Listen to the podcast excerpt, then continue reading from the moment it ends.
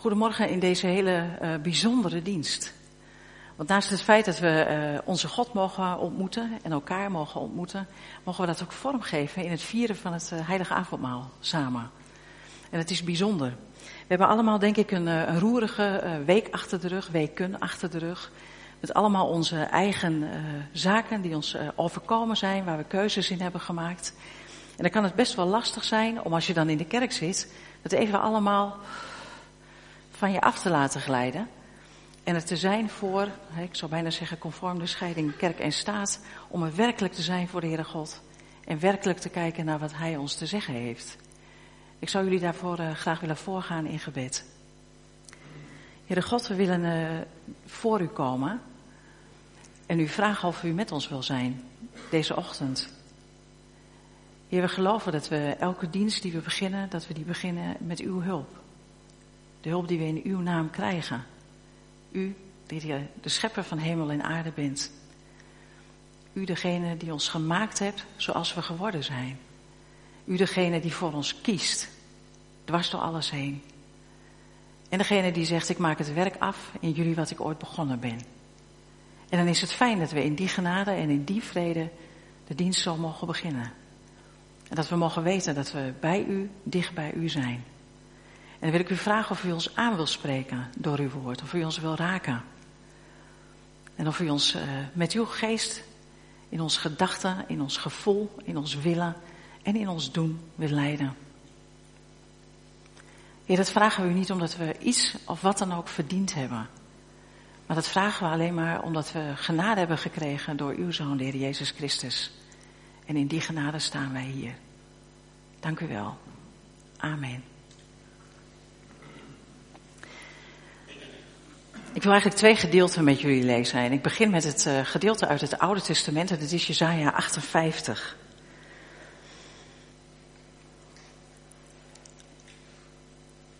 En het is een gedeelte wat gaat over het vasten. Want het vasten was toch een, een, eh, een vorm waarin de mensen God zochten. En uh, niet alleen God zochten, maar ook hun verlangens en hun behoeften wilden helder maken aan God. Maar eigenlijk ook hem wilden eren door wat ze deden.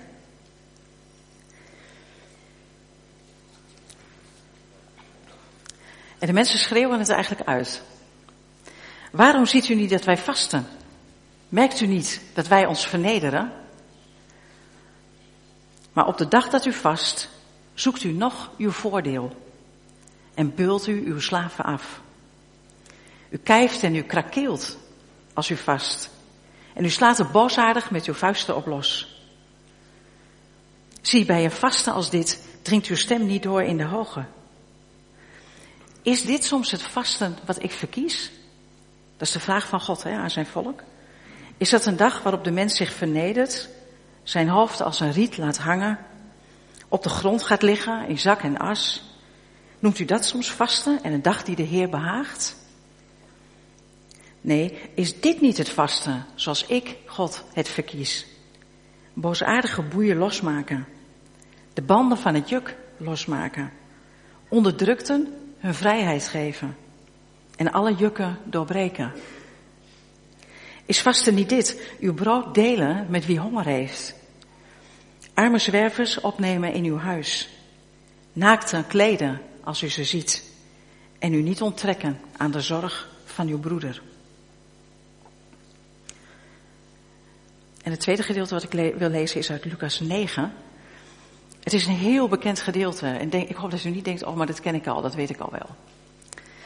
Dus, uh, Lucas 9 vers 23. Hij zei tegen allen, als iemand achter mij wil komen. Ik hoop dat u hem eigenlijk al bijna in kan vullen. Dan moet hij zichzelf verloochenen. Hij moet zijn kruis dagelijks opnemen en mij volgen. Want wie zijn leven wil behouden, die zal het verliezen. En wie zijn leven wil verliezen, omwille van mij, die zal het behouden. Want wat baat het een mens om heel de wereld te winnen, maar zichzelf te verliezen of schade te lijden? Leven met passie en niet voor de vorm. Ik was er al mee bezig voor de Pasen. Want door een klein uh, foutje in de planning uh, had ik gedacht dat ik voor de Pasen hier zou preken. En het was een, uh, een onderwerp waar ik op dat moment heel erg mee bezig was. En met het onderwerp ben ik nog steeds bezig. Elke dag. Want het is eigenlijk een beetje of-of. Je leeft vanuit de passie of je leeft vanuit je vorm. En u kent dat vast wel van, uh, van die bijeenkomsten waar ook verwacht wordt dat je je op een bepaalde manier gaat gedragen. Kan een kledingcode zijn, lange rokken, korte rokken, uh, chic, casual. Het kan een kerkdienst zijn waar verwacht wordt dat je een hoedje draagt of juist niet. Waar je gaat staan als je zingt of juist niet. Of een verjaardagsfeestje waarbij iedereen verwacht dat je iedereen een hand geeft en feliciteert of juist niet. Gebedsbijeenkomsten waar je maar één keer mag bidden en als iedereen één keer gebeden heeft dan sluiten ze de gebedsbijeenkomst af, want dan is het klaar. Of juist waarin je met elkaar over één onderwerp heel lang bidt. Het zijn allemaal vormen. We komen eigenlijk best wel heel veel vormen tegen in ons leven. En die hanteren we zelf ook. Heeft ook een bedoeling. Want een vorm geeft rust. Een vorm geeft ook overzicht. Het geeft een stukje duidelijkheid in de omgang, want je weet gewoon wat je van elkaar van kan verwachten. En zelfs onze kinderen leren we liedjes, hè? Zo zijn onze manieren manieren. Zo zijn onze manieren. En dan doen we wat. En ja, eigenlijk dragen we daar ook wat mee uit. Op een hele speelse manier leren ze dat in Nederland een heleboel kan. Je mag best een beetje gek doen. Maar bij het spel is het wel de bedoeling dat je allemaal hetzelfde doet. Want zo zijn onze manieren. Maar voor je het weet wordt een vorm een norm. En dan is de vrijheid waar we net over gezongen hebben, verschillende liederen, die zijn we kwijt. Dan wordt er verwacht dat je je aanpast en komen we uh, situaties tegen waarin de vormen belangrijker worden dan de mensen. Dan krijgen de vormen eigenlijk de overhand. Dan kan liturgie belangrijker worden dan de mensen in de kerk of etiketten belangrijker worden dan het gewoon samen eten. Een van onze eh, koninginnen heeft ooit in een maaltijd waar iedereen zat te eten en waar natuurlijk ook een, eh, echt een serieuze etikette was, eh, zag ze dat iemand op een verkeerde manier haar koffie dronk. En toen deed de koningin precies hetzelfde. Die dronk ook de koffie op die manier. Geweldig, want daarmee liet ze zien, ik kies voor die persoon. Die etiketten, dat zal wel. Als omgangsvormen, etiketten, regelgevingen, structuren en culturen, als we het niet in de gaten houden, dan wordt het een vorm. En vorm geeft ons zekerheid, want dan weten we hoe we het moeten doen. En ze zijn van alle tijden vormen. Zijn er altijd geweest. En vanuit de verzuiling al helemaal. En toen was het ook heel overzichtelijk. Als je christen was, was je lid van een bepaalde partij, dan had je een bepaalde bode, televisiebode. Uh, en als je dat niet was, dan, had je, dan was dat anders, dan werkte dat anders. De verzuiling was eigenlijk heel helder, heel duidelijk. Je wist bij welke groep je hoorde, hoe je je gedroeg. Anderen waren daar, die hoorden daar niet bij, die waren anders. En eigenlijk waren de scheidslijnen heel scherp. En niet alleen scheidslijnen in wat je deed, maar ook op geloof, op politieke voorkeur. En hoe je de zaken aanpakte en aanvloog. In wezen hoefde je niet zo heel hard na te denken, want het was heel duidelijk per zuil, zo zijn onze manieren. En de verzuiling is weggevallen. En we leven in een andere werkelijkheid. En daarmee vallen ook de vormen weg, maar voor een deel ook zekerheden van mensen, hoe ze invulling moeten geven aan de zaken die op hun afkomen. Dan zijn we toch kuddedieren, dus we bedenken wel weer een nieuwe vorm, daar gaat het niet om. Maar je wordt wel gedwongen om zelf na te denken. Je wordt gezet in een positie waarin je zelf de verantwoordelijkheid neemt. En in Nederland hebben we dan die verantwoordelijkheid ook nog te overwegen binnen de kaders van een grondwet die we met z'n allen vastgesteld hebben. En die garandeert dat er voor iedereen ruimte is om te denken wat je wil. Niet om te doen wat je wil. En we kunnen daar van alles van vinden, maar daarop is op dit moment onze samenleving gebouwd. En ik zou u een vraag willen stellen. Als u nou even nadenkt hè, voor uzelf. Maakt u dan deel uit van verschillende groepen in uw leven, waarin de vormen soms botsen met elkaar, de vormen van de ene groep en de vormen van de andere groep. Wilt u thuis even met elkaar over hebben? Even overwegen, welke groepen maak ik eigenlijk deel van uit? En in hoeverre maak ik mee dat die vormen botsen? Ga, ga gang, ik hou me even stil.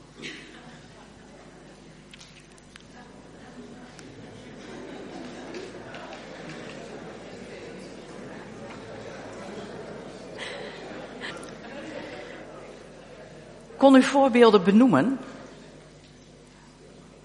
Ja, roep eens, als je wil. Ja, het maakt niet uit. Ik,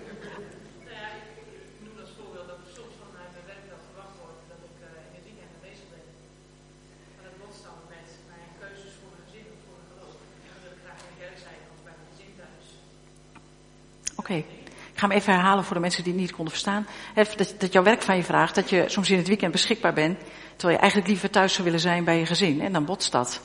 Ja, dat is een mooi voorbeeld. Zijn er andere voorbeelden? Ja.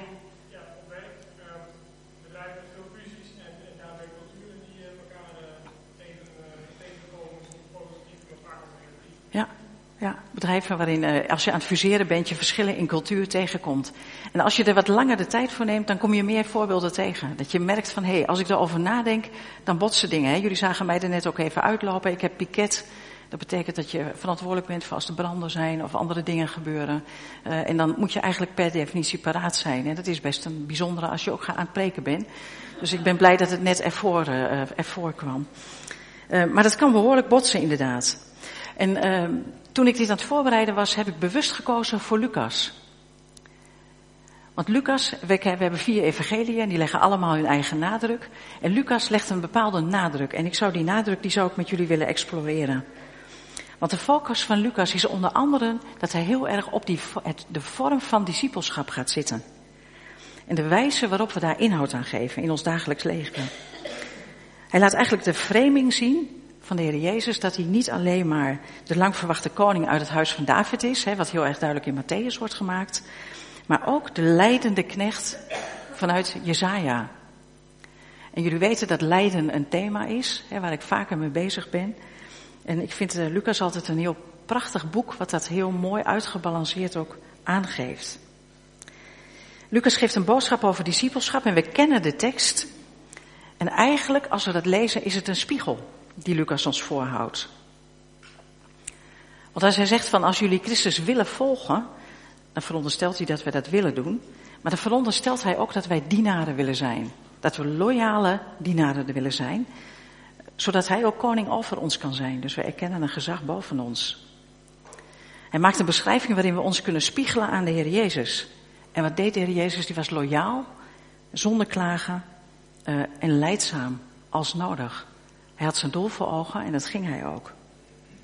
En alleen bij Lucas vinden we ook de uitspraak, wanneer jullie hebben gedaan wat jullie is opgedragen, zeg dan, wij zijn maar knechten, we hebben enkel onze plicht gedaan.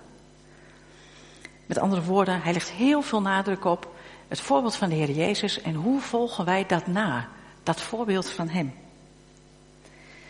dat gedeelte staat niet op zichzelf, maar ik kan onmogelijk heel Lucas met jullie doornemen, al zou ik dat heel graag willen. Um, ik, dus ik probeer er wat, wat dingen uit te pakken. Lucas is de enige die zegt, wie achter mij aan wil komen, moet zichzelf verloochenen, zijn kruis opnemen. Dagelijks. Dat woord dagelijks zit bij de anderen er niet bij. En heel vaak als we daar preken over horen, dan gaat het over dat je ook wel eens dingen moet doen die je misschien minder leuk vindt. Uh, en voor je het weet, heb je het dan weer over vormen in plaats van over de passie. Dan poetsen we het een beetje weg. Maar wat er staat is eigenlijk maar voor één uitleg vatbaar. En zeker in die tijd waarin dit geschreven werd. Je kruis opnemen betekende weten dat jij schuldig bent en de weg gaan die jij moet gaan vanuit jouw schuld. Namelijk je kruis opnemen en weten, ik ga gekruisigd worden. Dat is niet een makkelijke boodschap, ik zeg het nog een keer. Je kruis opnemen is niet zo nu en dan een keer wat vervelends doen, maar vanuit die cultuur, die context, en iedereen wist wat hij bedoelde, betekende het accepteren dat jij schuldig bent en vanuit daar het kruis dragen en uh, gaan. En dat is, dat is een hele diepe, want het zegt een heleboel over wie we zijn en over onze identiteit. Het zegt een heleboel over onze houding en hoe we in het leven staan. En je hebt het over passie. En passie heeft altijd die twee kanten. Hè? Passie is aan de ene kant blij en genieten en geweldig en fantastisch en hoogtepunten. Maar passie is ook lijden. Het heet niet voor niks de passie van Christus. In de zin van hij stierf voor jou, voor mij. Er zit een veronderstelling in over onze eigen identiteit. Namelijk de veronderstelling dat wij gebroken mensen zijn. Dat wij zoals wij hier zitten, en ik weet dat het niet populair is om dat in deze tijd te zeggen. Zondaren zijn. Gebroken, niet perfect, niemand. Ik niet en jullie niet. En wij verhouden ons tot God en weten dat wij ons niet tot God kunnen verhouden als de Heer Jezus er niet was geweest. Het is niet voor niks uh, dat dit hele verhaal in de context staat van de vraag van Jezus. Wie zeggen de mensen eigenlijk die ik ben? En dan geeft Petrus dat hele mooie getuigenis. En dan zegt hij, u bent de Christus Gods. Prachtig. En dan zegt hij, Jezus praat daar maar niet verder over.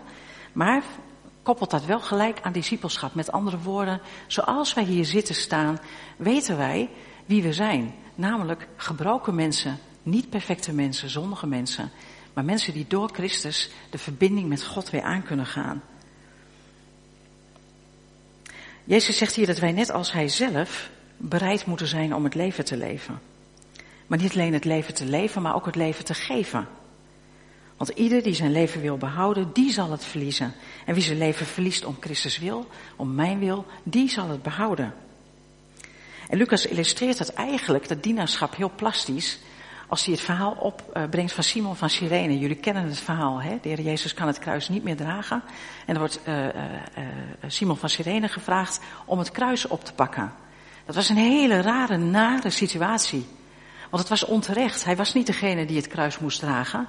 Hij was niet degene die schuldig was. Hij was niet degene, maar hij werd wel gevraagd dat te doen en publiekelijk die positie in te nemen. Jezus heeft heel veel voor ons gedaan, maar er komt een punt dat wij ook ons ding gaan doen. Discipels zijn is niet een passief afwachten van nou, we zien wat er komt. Discipels zijn is de weg willen gaan die voor je ligt Christus voor ogen houdend. En op die manier kunnen we laten zien dat ons volgen niet alleen een volgen van woorden is, maar een volgen in daden. In, in dit verhaal zie je, het is, om de, het is de bereidheid om je eigen werk, je eigen eer, uh, allemaal los te laten. En eigenlijk zou dat een dagelijkse kost moeten zijn, volgens Lucas. Zouden we dagelijks die worsteling moeten hebben van, hé, hey, hoe doen wij dit? Hoe gaan wij hiermee om? Niet vanuit zo zijn onze manieren manieren, maar vanuit ik ben een christen, ik heb mijn verantwoordelijkheid, hoe vul ik die in? En hoe vul ik die in? Nou, daar gaan we het nog even over hebben. Dus er is een heel duidelijk punt, dagelijks, waarin wij onze bijdrage leveren. Dan hebben we het dus niet over vormen meer, hè? Want dat kan niet. Dan heb je het over je hele leven geven en dan met je hele leven staan, met je hele hebben en houden. Maar het betekent wel een aantal dingen. Dat betekent wel dat wij onze eigen gebrokenheid erkennen. Dus je kunt niet zeggen, ik ben beter dan jij. Ik sta boven jou. Die neiging hebben we wel heel makkelijk, hè? Dat is eigenlijk de zonde van het begin, om jezelf te verheffen boven een ander. Kijk eens hoe goed ik ben. Ik ben bijna zo goed als God. Hè? Dat was de bedoeling vanaf het begin. Maar het staat voor het wegstappen bij God. Want dat is er gebeurd. Het staat ook voor het wegstappen bij jezelf. En het staat voor het weg, wegstappen bij de ander. Hieraan voorafgaand is er over succes waarin staat oordeelt niet zodat jij niet geoordeeld wordt. Laat los en geef. En wat geef je dan? Een gedrukte, overvloeiende maat. Dat staat lijnrecht tegenover elkaar. Oordeel en geven. Ander kenmerk is dat je weet wie Christus is. Dat je weet dat Hij jou het leven geeft. Dat Hij jouw passie is. Dat dat is waar we enthousiast over zijn. Dat je ook weet dat, je, dat, dat Hij voor jou en mijn gebrokenheid gestorven is. Zich opgeofferd heeft. Omdat wij de weg naar God niet eens kunnen realiseren. We hebben Christus nodig. En dat we weten dat we weer zullen opstaan en eeuwig leven hebben. Dat het niet ophoudt. En dat bepalen wij overigens niet. Ook niet voor een ander. Dat bepaalt God. God bepaalt wie er eh, met hem de eeuwigheid doorbrengt. Niet wij. En misschien matigen we onszelf soms wel een oordeel aan, maar ik denk dat op basis van zo'n tekst een gedeelte, een houding blijkt van gebrokenheid. Ik neem mijn kruis op mij en ik volg. En niet een, een houding, ik beoordeel en uh, ik weet, ik heb de waarheid in pacht. Het is eigenlijk de ultieme verbondenheid met God weten vanuit de wetenschap. Ik heb u nodig. Het is een verbondenheid intiem. En we moeten onszelf daarin onderzoeken. Dat zegt de schrift ook, hè? ook als je aan het avondmaal gaat. Er staat niet onderzoek elkaar voordat je het avondmaal gaat. Nee, er staat aan ieder beproeven zichzelf. en neem dan deel aan het avondmaal. Dus we hebben allemaal onszelf te beproeven. En dat is de context waarin we discipelen en volgelingen van de Heer Jezus zijn. Die toevoeging van het kruis en het dagelijks opnemen was voor mij essentieel. Want geloven is niet eenvoudig, geloven is niet licht. Jezelf verloochenen betekent ook afzien van je recht halen. En het is dan ook helemaal niet vreemd dat juist bij Lucas het verhaal van die moordenaar die naast Jezus hangt, hè, dat is juist het verhaal wat Lucas ook erbij inschuift. Waarom? Omdat eigenlijk die moordenaar precies de kenmerken van een discipel laat zien op het laatste moment in zijn leven. Hij kent zijn eigen positie, hij weet dat hij het niet verdient, hij weet waar hij het, eh, de verbinding met God moet halen. En hij gaat daarvoor en hij erkent God daarin, hij kent Jezus daarin. Eigenlijk is hij bij uitstek de ware discipel. Al is het dan op het laatste moment, hij is schuldbewust en ook nog mede gekruisigd met zijn Heer. Het zet ons voor vraagstukken. Zeker wanneer we uitgaan van de interpretatie van dat je leven be betekent dat je elke dag die keuze maakt. Dat je elke dag opnieuw beslissingen maakt.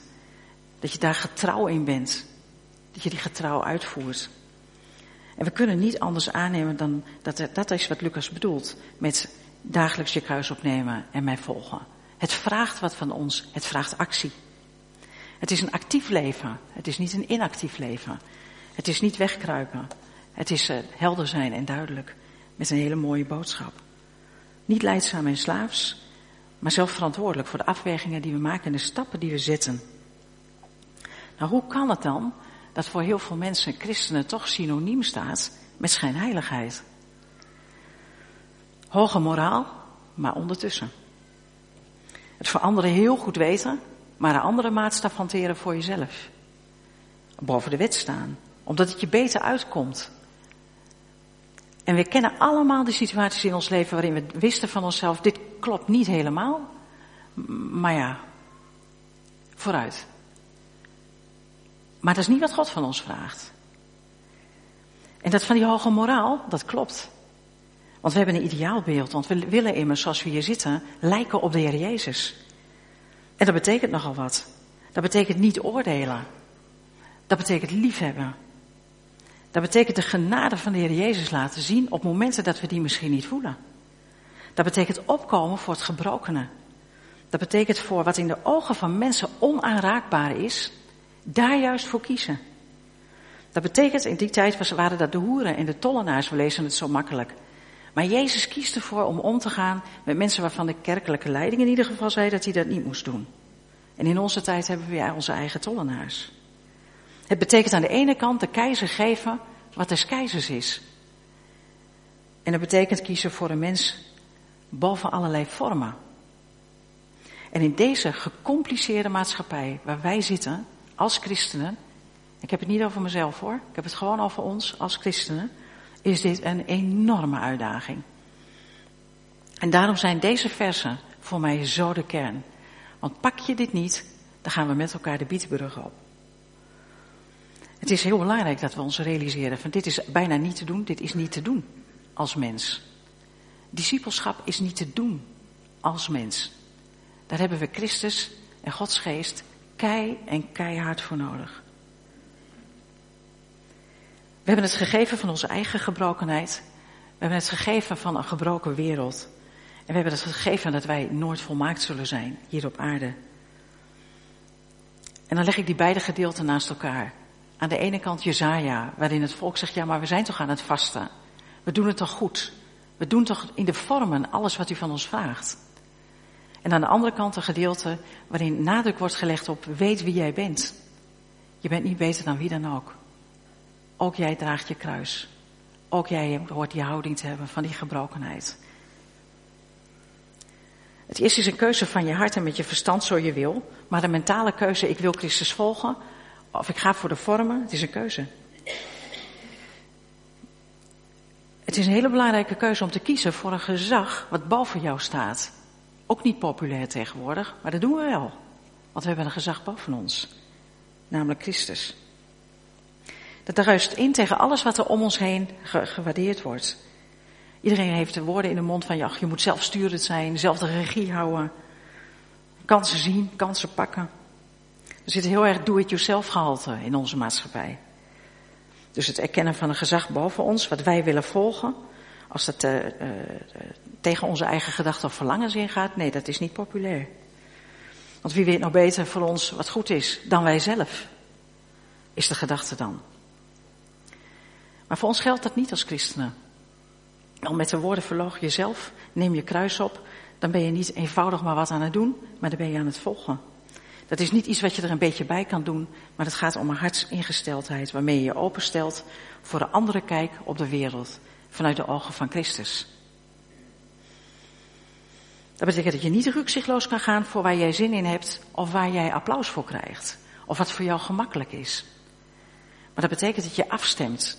Afstemt op waar je mee te maken hebt. God, zijn denken, zijn wil. Kun je voor jezelf, de laatste, dus voor jezelf, hè, de laatste keer herinneren waarin je een keuze maakte, of in ieder geval moest overwegen om het één te doen waarvan je dacht, nou, hier ga ik uh, de weg van God. Ik heb afgestemd op Hem en dit is Hem welgevallig. En dat er ook een andere keuze lag. Heb je voor jezelf daar voorbeelden van? Want eigenlijk, als je die niet hebt, namelijk, dan kun je je afvragen in hoeverre is dit dan een dagelijkse realiteit in je leven? Want je kruis opnemen is niet iets wat je eenmalig een keer doet, maar het is iets wat ons alle dagen raakt en scherp houdt. Dan gaan we dus niet meer voor de vormen, want dat kan niet meer. Dan gaan we ook niet voor de kennis, want oh, wat weten we veel. alles weten maakt niet gelukkig. Er is verschil tussen kennis en wijsheid. En wat hebben we veel meningen en oordelen en weten hoe het moet voor elkaar. Of hebben wij de hartsingesteldheid waarin we ons leven durven overgeven aan God, de onzichtbare, voor een deel een mysterie wat we niet helemaal kunnen begrijpen, want Hij is zoveel groter dan wij, onbegrijpelijk, en waarin we durven ons leven los te laten en durven het leven te verliezen en durven te kiezen voor Zijn eer. En dat vraagt een hele diepe ervaringskennis met God. En het vraagt dat we weten hoe we zelf in elkaar zitten. En het vraagt om afstemming. Paulus zegt het, uh, zegt het heel mooi. En mogen hij u in de rijkdom van zijn heerlijkheid de kracht geven, zodat je innerlijk door zijn geest wordt gesterkt. Zodat Christus door het geloof woont in uw hart. En u in de liefde geworteld en gegrondvest blijft. Dat we geworteld en gegrondvest zijn blijven in de liefde. En die liefde van, van Christus te kennen, dan komt er iets van die volheid van God in ons leven tot uiting. Dan ga je anders in het leven staan en dat is precies de bedoeling. Innerlijk versterkt worden door Gods geest, zodat Christus blijvend vanuit jouw hart je mag motiveren en je in liefde de basis vindt. En je samen met andere geloven in staat bent niet alleen die liefde te herkennen, maar die ook weer door te geven aan de wereld. Dan gaat het ook niet meer om gedragscodes, hè? Dan gaat het niet meer om vormen. Maar dan gaat het om een aantrekkelijkheid die jaloersmakend is. Dat je zo vervuld bent, zo overloopt van die volheid van God, dat het mensen gaat raken en dat ze dat ook willen. Wanneer we echt in contact zijn met God en zijn grootheid, passen bepaalde zaken daar niet bij. En dan komt toch dat stuk weer terug hè, van Jezaja, van ja, maar we zijn aan het vasten. We doen wat we moeten doen. Wat was daar nou mis mee? Maar als je het hele, hele stuk leest, dan zie je dat ze het vasten gebruiken ondertussen om handel te drijven. En ondertussen gaan de ruzies gaan gewoon door. Het is niet bijgelegd, het is niet opgelost, er is geen vergeving, maar mensen gaan gewoon door met gekrakeel, hè, zoals het in deze vertaling stond. En dan zie je wat God ervan vindt. Hij vindt het niks. Hij kijkt er met afschuw naar. Voor hem hoeft dat niet. Al die vormen, die trekken hem ons af van waar het werkelijk om gaat. En waar gaat het dan om? Om mensen in de ruimte te zetten. Om mensen in de vrijheid te zetten om te ontfermen. En om ons te ontfermen over de mensen die dat nodig hebben. En dat zijn misschien niet eens de mensen zoals wij zijn. Want dat zie je hier, hè. Wij worden opgeroepen om tot actie te komen. Om mensen die juist anders zijn dan wij. Om hun te helpen, om hun te dienen. De mensen die veracht werden. Om daar juist naar te kijken, om ons daarna uit te strekken. Om die te steunen. En wat vraagt dat nou van ons? Het vraagt iets heel lastigs. Het vraagt erom dat we bereid zijn om ons comfortabele leventje op te geven en op uh, te willen houden de wereld te winnen. Dat vraagt keuzes in actief leven en dat vraagt moed. Jezus en discipelen hadden de moed om tegen de gelovige orde die er was in te gaan. Met rechtvaardigheid voor ogen. En dat vroeg moed en dat vraagt ook van ons moed om ons van onze positie bewust te zijn. Om die liefde van Christus aan anderen te laten zien. En dat handen en voeten te geven. Dat is niet afwijzen. Dat is niet uitsluiten. Dat is verbinden. En dat is ruimte geven. Actief inhoud geven aan ons volgen van Christus betekent leven met passie. Leven met passie kan niet als jij je verhoogt, op welke manier dan ook, boven anderen. Leven met passie kan alleen maar als je weet ten diepste, en dat voelt en, en dat voel ik mensen, dat wij zondig zijn en niet beter dan wie dan ook. Wij staan niet boven een wet, welke ook. Wij staan onder Christus wet van liefde, van genade. Ik wil afsluiten met een eh, vers uit Efeze. Efeze 3, vers 7. Aan Hem die bij machten is om oneindig veel meer te volbrengen dan al wat wij door de kracht die in ons werkt kunnen vragen of bedenken. Aan Hem zij de heerlijkheid in de kerk en in Christus Jezus, iedere generatie weer, van eeuwigheid tot eeuwigheid. Amen.